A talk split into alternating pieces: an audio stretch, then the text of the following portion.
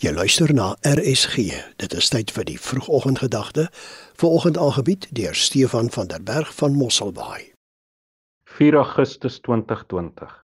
In een van die kragtigste nie-kerringontploffings wat ooit aangeteken is, het 2.7 ton ammoniumnitraat in Lebanon se hoofstad Beirut ontplof. Binne sekondes, in 'n radius van 10 km, is 77000 woonstelle vernietig.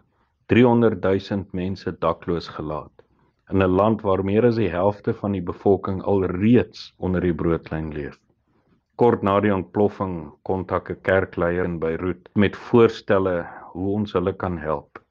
Aan die einde van ons gesprek was sy woorde gewees en dit het my diep geraak.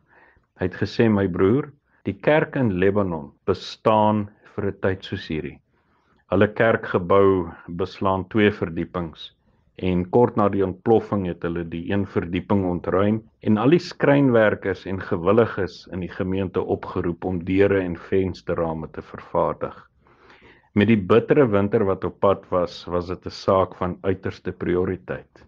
En die wonderlike is hulle sê in gemeenskappe waar hulle nooit toegang gehad het nie, hierdie mense hulle met oop arms verwelkom en hulle kon bid saam met mense en hulle kon getuig van die liefde van Christus. 'n ontploffing van 'n paar sekondes het 'n geleentheid om hoop te bring geskep. In die Nuwe Testament is daar twee woorde vir tyd.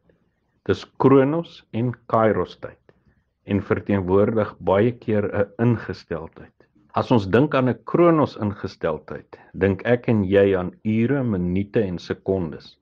In 'n samelewing waar tyd al hoe meer 'n skaars kommoditeit word. Kairos tyd is weer 'n tyd van geleenthede, maar geleenthede het 'n vervaldatum. En as dit weg is, is dit verby vir ewig. Miljoene mense wat hoop en waardigheid verlang na die Turkye aardbewing is 'n kairos geleentheid vir ons as kerk om betrokke te raak en te bedien. Miljoene mense wat geraak is deur die Rusland-Oekraïne konflik word 'n kairos geleentheid aan 1 Mei om te vertroos en te bid. Miljoene wat leef in armoede bied 'n geleentheid om te gee. Ons is waarlik geroep vir 'n tyd soos hierdie.